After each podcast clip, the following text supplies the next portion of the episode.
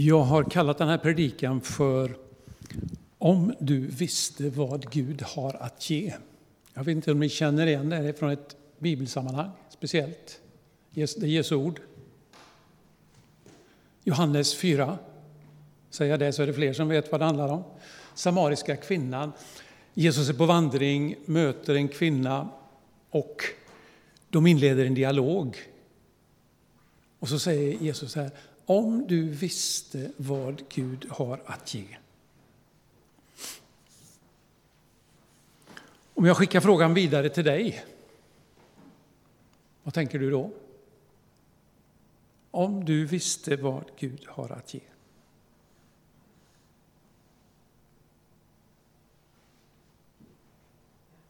Hur vet vi vad Gud har att ge? Jag tänker att kanske enklaste och bästa sättet är nog att se på vad Jesus hade att ge. Och vad hade han att ge? Jo, han upprättade människor, han tröstade, han helade, han lyssnade. Han undervisade. Han erbjöd sin gemenskap, han förmanade, han utmanade. Man kan göra en lång, lång lista. Och samtidigt är det väl så att när vi jämför vad Gud har så att säga gett till oss med det Jesus har att ge så kan det kännas lite eh, glapp däremellan kanske. Men om man bortser från det och tänker så här, nästa fråga då. Vad har Gud gett dig? Om du skulle fundera på den bara lite grann. Vad har Gud faktiskt gett dig? Inte om du visste vad han har i utan vad har han gett dig? Det kan ju gälla det vardagliga livet, uppväxt, egenskaper man har, förmågor. Men det kan handla om specifika saker, situationer, märkliga händelser. Vad har Gud gett dig? Du får inte så mycket tid att fundera, för jag tänker ställa en fråga till. Och det är, hur har Gud gett det till dig? Det som du tänker på. Hur har Gud gett det? Är det något jag är född med?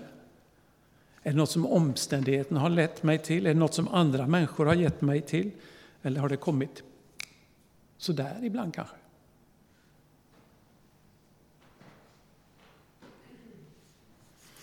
Det var en inledning. Nu ska jag landa i en bok. Richard Foster har skrivit en bok som heter Strömmar av levande vatten, sex andliga traditioner att ösa ur. Och jag tänkte mycket kort ge en introduktion till de här sex andliga traditionerna. Det blir, det blir en översiktlig genomgång. Eh, på vår hemsida så håller jag på och skriver en personlig artikel om var och en av de här. Jag har hunnit med fyra stycken och det kommer att komma två till. Men i predikan idag så handlar det mest om att jag vill visa på bredden på perspektivet i, den, i det kristna livet, i de kristna traditionerna. Och det han, det han är ute efter här, det är ju, han har alltså tittat på kyrkohistorien, försökt isolera strömmar som är tydliga och som man menar framförallt att de kommer ur Jesu eget liv. Vi kan härleda dem till Jesus själv. Men så har det blivit strömmar i kyrkohistorien. Och det handlar alltså om att hans mål är då att han, han tänker sig att de här ska flyta samman. Det är inget som ska skilja eller dela på oss. Och den första den kallas för den kontemplativa traditionen. Och det är ett, jag vet inte hur, vad ni tänker när ni hör ordet kontemplativ. Eh, det leder väl lätt till nunnor, munkar, kloster och så vidare. Men den kontemplativa traditionen handlar alltså om det inre livet. När vi, när vi vänder oss mot Gud. Eh, uppmärksamhet mot Gud, en kärleksfull uppmärksamhet talar man ofta om i denna traditionen. Och ett Jesusord i sammanhanget För vi kan ju se på Jesus att han drog sig undan ofta och han sa en gång till lärjungarna så här, följ med mig bort till en öde trakt så vi får vara ensamma och ni kan vila er lite. Och det finns många andra exempel på när Jesus, lärjungarna får ibland gå och leta upp Jesus när han har gömt sig ute, alltså gömt sig inom citationstecken. Han har dragit sig tillbaka för att be. Och så får de hitta honom. I ensamhet så lyssnade Jesus till Gud. Och Gud talade till honom. Han, ville, han sökte Guds vilja. Getsemane, vi har haft, nyss haft påsk. Getsemane är väl en av de tydliga exemplen där det kanske inte var så behagligt, den här ensamheten heller. Och ett sätt att närma sig den här traditionen, som vi har gjort i den här församlingen, det var att vi anordnade en retreat för ett tag sedan här, när vi åkte till, en del av oss åkte till Lärjungagården i Torestorp. För att vara stilla, för att lyssna inåt. Och det finns alltså en tradition i kyrkohistorien då, som betonar den här. Och det syns kanske speciellt i kloster. Det är den första. Den andra traditionen kallar han för helgelsetraditionen. Jag vet inte hur ni associerar ordet helgelse. Någon har sagt så här, att det kan vara förmågan att göra det som behöver göras när det behöver göras. Det tål att fundera på. Förmågan att göra det som behöver göras när det behöver göras. Och tanken med ett helgat liv det är ju att när vi lyssnar på Gud så ska vårt liv formas till att bli likt hans liv, det han vill, hur han vill, vill vi ska leva. För mig är ett nyckelord det som finns på väggen här då var Anpassa er inte efter denna världen, utan låt er förvandlas genom förnyelsen av era tankar, så att ni kan avgöra vad som är Guds vilja. Det som är gott behagar honom och är fullkomligt. Helgelsetraditionen alltså handlar om att låta sig förvandlas, att bli förvandlad, förändrad. Och ett sätt som man praktiserat det här genom historien det är vad man kallar för andliga övningar. Vi brukar kanske inte ofta tala om att träna så mycket när det gäller kristen tro. Men det är faktiskt vad det handlar om. Och Richard Foster han har skrivit en annan bok som heter Vägar till glädje, som kom på 80-talet någon gång. Men på engelskan heter den Celebration of Discipline att fira det här med disciplin och ordning. Och bland de områden han menar då man kan fokusera och öva så tar han som exempel då bön, fasta, studier, enkelhet, ödmjukhet, tjänande, ledning, glädje och en del andra. Alltså det här kan man ha som övningar och fokusera under en period kanske. För att bli lik Jesus. Det är alltså det som är poängen. Att Gud ska få forma våra liv. Och ett sammanhang som jag stött på i det här sammanhanget som jag är lite fascinerad över, som jag tycker är bra, det är det här. Det handlar inte om att få så många som möjligt in i himlen, utan det handlar om att få himlen in i så många som möjligt. Är med på skillnaden?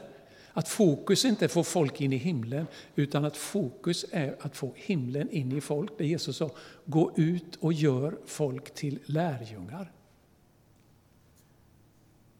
För Gud vill nämligen inte bara förbättra oss, han vill förvandla oss. Det kan man säga att det är helgelsetraditionen då, den andra. Den tredje är den karismatiska traditionen. Och om man nu skulle ta, tala om oss i Elimkyrkan så är det väl en av de traditioner som kanske står närmast vår tradition, tror jag. Eh, charis, grekiska, betyder nåd. Charisma eller karisma, nådegåva. Det är alltså någonting, så, nåd är någonting som man får utan att ha förtjänat det. Och den karismatiska traditionen betonar ju den andliga verkligheten. Gud griper in och han formar med sin ande. Både hos Jesus, Paulus och Nya Testamentet så finns det ju massor av exempel där, ja, Gamla Testamentet också förstås. Och när man talar om nådegåvor så blir det ju ofta ett fokus på det övernaturliga. Och jag tänker mig att det är fler än jag som längtar att vi vill se Gud göra övernaturliga saker bland oss. Men det, ju, det, finns ju ingen teknik för det, utan det är ju gåvor från Gud. Gud ger gåvor till oss och vi får ta emot dem tacksamt. Eh, jag tänker, jag hörde Edin Lövås en gång, jag vet inte om ni vet vem han var, men han var med och förde in retreatrörelsen i Sverige en gång för kanske 60-talet i frikyrkan. Men han berättade om att han var evangelist i sin ungdom och så berättade han om att han var på en kampanj, en serie. Och så var det väldigt många som blev helade där. De bad för sjuka och väldigt jättemånga blev helade. Yes, tänkte han och så åkte han vidare till nästa ställe. Nu fortsätter det. Ingenting alls hände. Och när han funderade på det här så kom han att tänka på den lille skomakaren som alltid ville vara med fram och lägga på sin hand på dem som de bar för. Insåg att det var kanske den mannen som Gud hade gett en gåva att hela. Så så kan det vara. Men minst lika viktigt som de här gåvorna som vi talar om är ju Andens frukter när vi talar om ett karismatiskt liv. Vad Anden gör i oss, hur Anden präglar oss. Och I Galaterbrevet 5 så räknas de upp. Kärlek, glädje, frid, tålamod, vänlighet, godhet, trofasthet, ödmjukhet och självbehärskning. Det är vad Gud vill verka genom oss. Och det hör givetvis samman med helgelsetradition. Det finns ju inga vattentäta skott mellan några av de här, men det är liksom en andens gåva. Och jag tänker på, om vi tänker på vår församling så vet jag Elisabet berättade en gång om ett exempel hur hon hade fått förbön och hur det hade förvandlat en situation på jobbet. Det kan vara ett exempel på hur den karismatiska strömmen finns här också. Det var den tredje.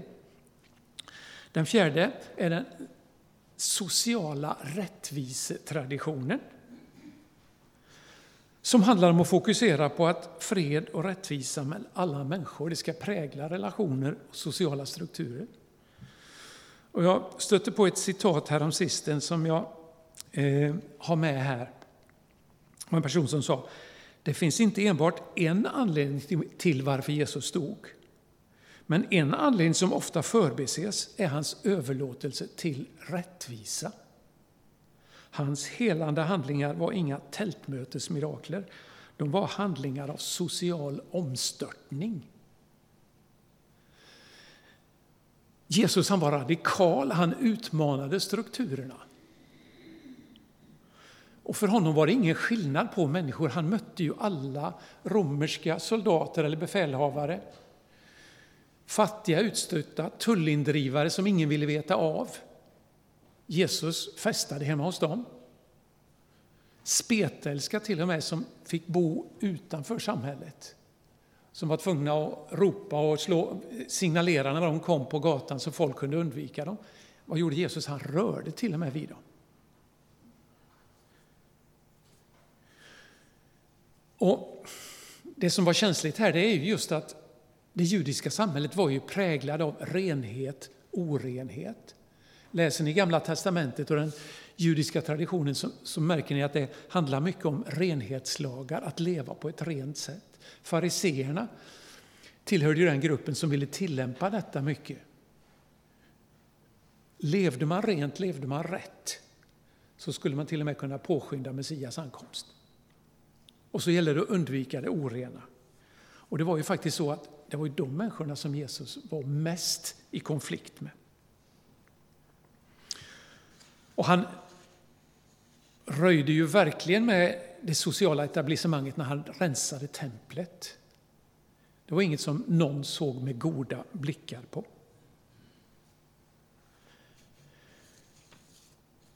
Och jag, jag tänker, när jag tänker på den här sociala traditionen så kom, går mina tankar också till en skeppare på 1700-talet som ni nog har hört talas om, John Newton.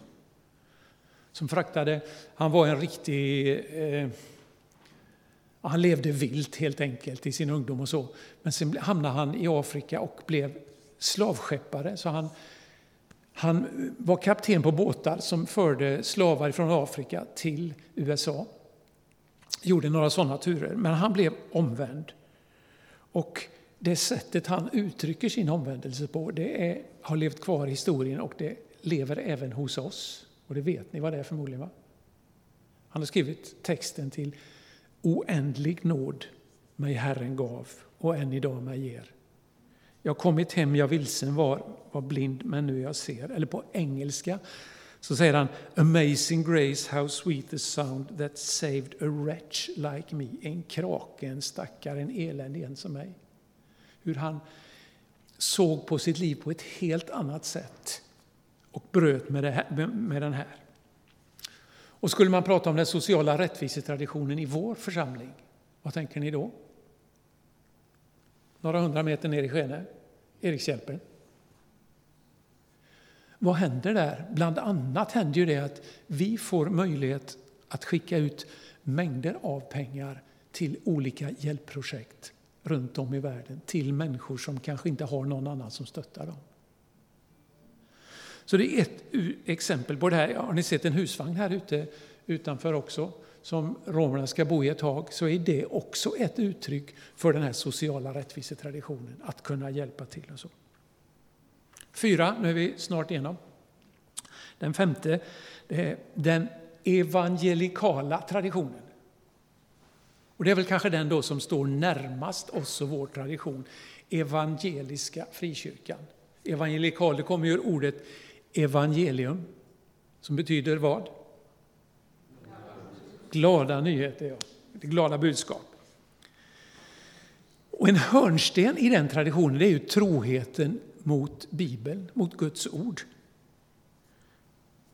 Och även då att förkunna Guds ord, att evangelisera.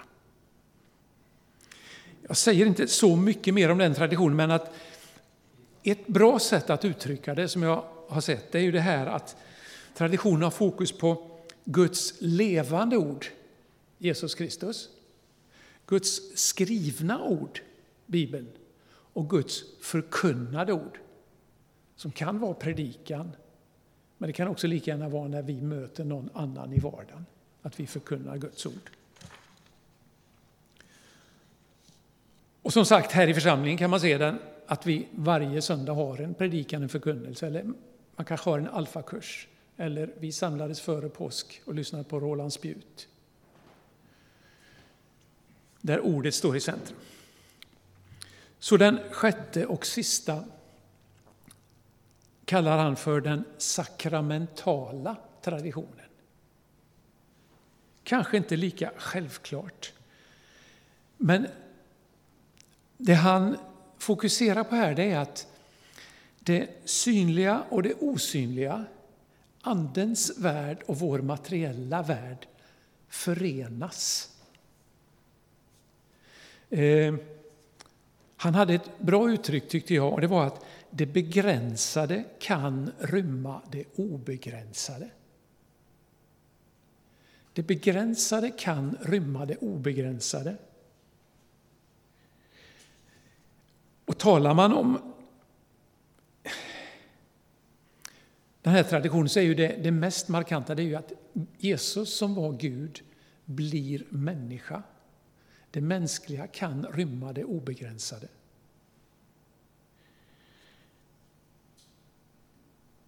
Och eh, i den här boken så ger han eh, ett historiskt exempel. Varje tradition får ett exempel. En historisk person, en biblisk person och en något sånär nutida person. Och den bibliska personen han tar som exempel för, för den sakramentala traditionen är Besalel. Vet ni vem Besalel var? Lars-Uno nickar. Besalel står omtalad i Andra Mosebok 31. Och faktum är att det är om hon, han är den första person som Gud säger att han har fyllt honom med gudomlig ande. Han är den första. Och vad var han? Jag skulle kalla honom för konsthantverkare. Kanske. skicklig med det materiella saker. Han fick alltså i uppgift att utforma tabernaklet. Och tabernaklet, det vet ni vad det var? Det var det här tältet som man byggde för att förvara arken och lagtavlorna och som man bar omkring i öknen. Och läser man beskrivningar av det så var det väldigt färggrant och oerhört utsmyckat. Så att han fick alltså i uppgift att göra det här vackra som jag vet inte om ni har varit i Sinaiöknen, men man kan ha varit i en annan öken.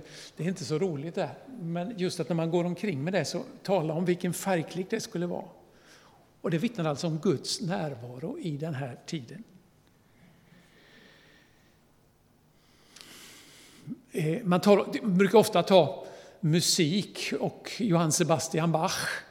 Han skrev ju SDG på sina partitur högst upp som stod för Soli Deo Gloria. Enbart Gud ska ha äran. Och han var nog inte ensam om att göra det. Och sen då, när han eh, kom till slutet av den här traditionen och skulle lyfta fram en nutida person som representerar den sakramentala traditionen, så väljer han en svensk. Kan ni gissa vem? Dag Hammarskjöld. För att ni vet, eh, han var ju son till en eh, fin lärd man som var statsminister också och gick ju hela vägen i diplomatkarriär och allt det här.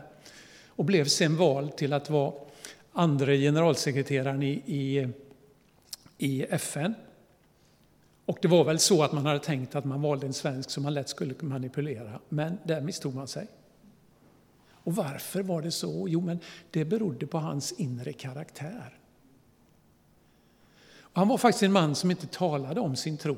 Men när han tragiskt då omkom i en flygolycka nere över Afrika, så efter hans död så hittar man ju en liten perm med maskinskrivna papper som han började skriva i 20-årsåldern redan.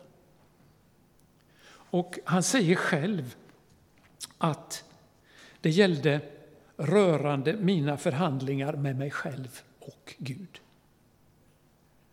Och har ni läst de här så eh, ja, det är väldigt bra läsning och mycket tänkvärt.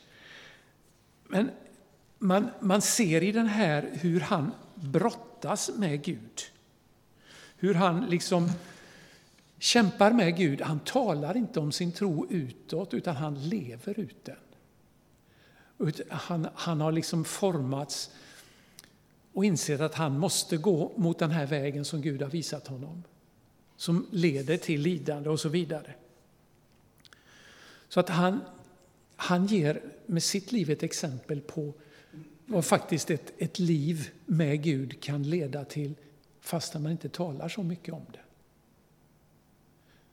Och det kan ju finnas politiker som får samma uppdrag så att säga att leva ett liv i politiken. Man kanske inte talar om sin tro så mycket men man får leva ut den. Men man kan inte tala om den sakramentala traditionen utan att nämna nattvarden då, som vi alldeles strax ska fira. Det är ju vad man säger, där det obegränsade kan rymmas i det begränsade. Vi får ta emot Kristus via brödet. En andlig verklighet som möter det materiella. Vi får ta del av mysteriet. Men när han skriver den här traditionen så gör han också en progression, alltså en ordning i det. Att först kommer den kontemplativa delen. Du kan knacka fram den, Andreas. Eh, och sen på den bygger de följande. Alltså helgelsetraditionen och eh, den karismatiska kommer ur ett liv, ett inre liv med Gud. Och från de här två så finns, får man då kraft att gå ut, att leva ett socialt liv, ett liv med rättvisa, lika för alla och att förkunna Guds ord. Och allt detta på något sätt sammanfogas i att vårt dagliga liv, allt det här, va? Det, det andliga som kanske finns i oss, möter det materiella. Och anledningen till min inledning med de här frågorna, det var ju kanske också att ställa då, vad, vad har Gud gett dig? Känner du dig naturligt attraherad till någon av de här traditionerna? Känns det någon av dem som är mest, ja men det här är nog jag mest. Jag tror det är så för många av oss. Man, man, man har vissa betoningar i livet, man trivs kanske i vissa, för det är ofta olika sammanhang som har de här. Och det kan nog förändras, eller ja, jag känner att det har förändrats under mitt liv. Och frågan är ju då, där jag vill landa i, hur ser vi vår församling i det här sammanhanget? Står vi i en strömfåra? Eller har vi benen i flera? Och hur vill vi tänka framåt? Om vi visste vad Gud har att ge. Men min önskan är ju då att, att det här ska få plats. Att de här strömmarna, men det är som, som allting annat, det man kan benämna är mycket lättare att tala om. Har man ett, ett begrepp för det här så kanske man inte, man kanske inte använder det, men att jag vill uppmuntra till att kanske läsa de här artiklarna, att fundera lite på det här, för att det ger mig begrepp för att stå, vad, vad, hur tänker jag, hur känner jag, hur kan jag placera in det som händer? Och när vi nu går in i detta att vi ska hitta en efterträdare till Tobias, vad kommer att hända? Vad vill vi i församlingen? Så kanske det också det här är bra begrepp att ha med att samtala om. Jag slutar där, låt oss be. Jesus Kristus, jag vill tacka dig för att du som var Gud blev människa. Du klev in i vår värld. I dig så blev förenades den andliga verkligheten och det materiella på ett fullkomligt sätt. Jesus, jag vill be dig för var och en av oss som är här idag, att vi också skulle på något sätt kunna få bli lika dig. Genom att vara stilla inför dig, genom att låta vårt liv förvandlas, genom att ta emot de gåvor du ger, låta frukterna växa i vårt liv genom att engagera oss och kunna hjälpa dem som har problem. Genom att vara trogna mot Bibeln, genom att läsa ditt ord, genom att dela ditt ord. Och allt det här, vi ber att det ska få, få förverkligas i våra liv. Att det inte behöver bli något, att kristen inte är någon etikett vi klistrar på eller något vi går till kyrkan på söndag, utan att det blir en del av vårt liv. Att vi formas lika dig. Och jag tackar dig för att vi nu ska få möjlighet att ta emot brödet och vinet. Ta emot dig själv i våra liv. Herre, hjälp oss att vara öppna. Att, att faktiskt våga ta emot det du ger oss. Jag ber att du ger frimodighet till den av oss som kanske saknar frimodighet. Ge mod att leva som vi faktiskt vill och hjälp oss att göra det. Hjälp oss med alla de hinder vi har här som, som ställer till det för oss. Med ovanor, med saker som stör. Tack för att du är vår hjälpare och tack för att vi får komma till dig och ta emot hjälp. Amen.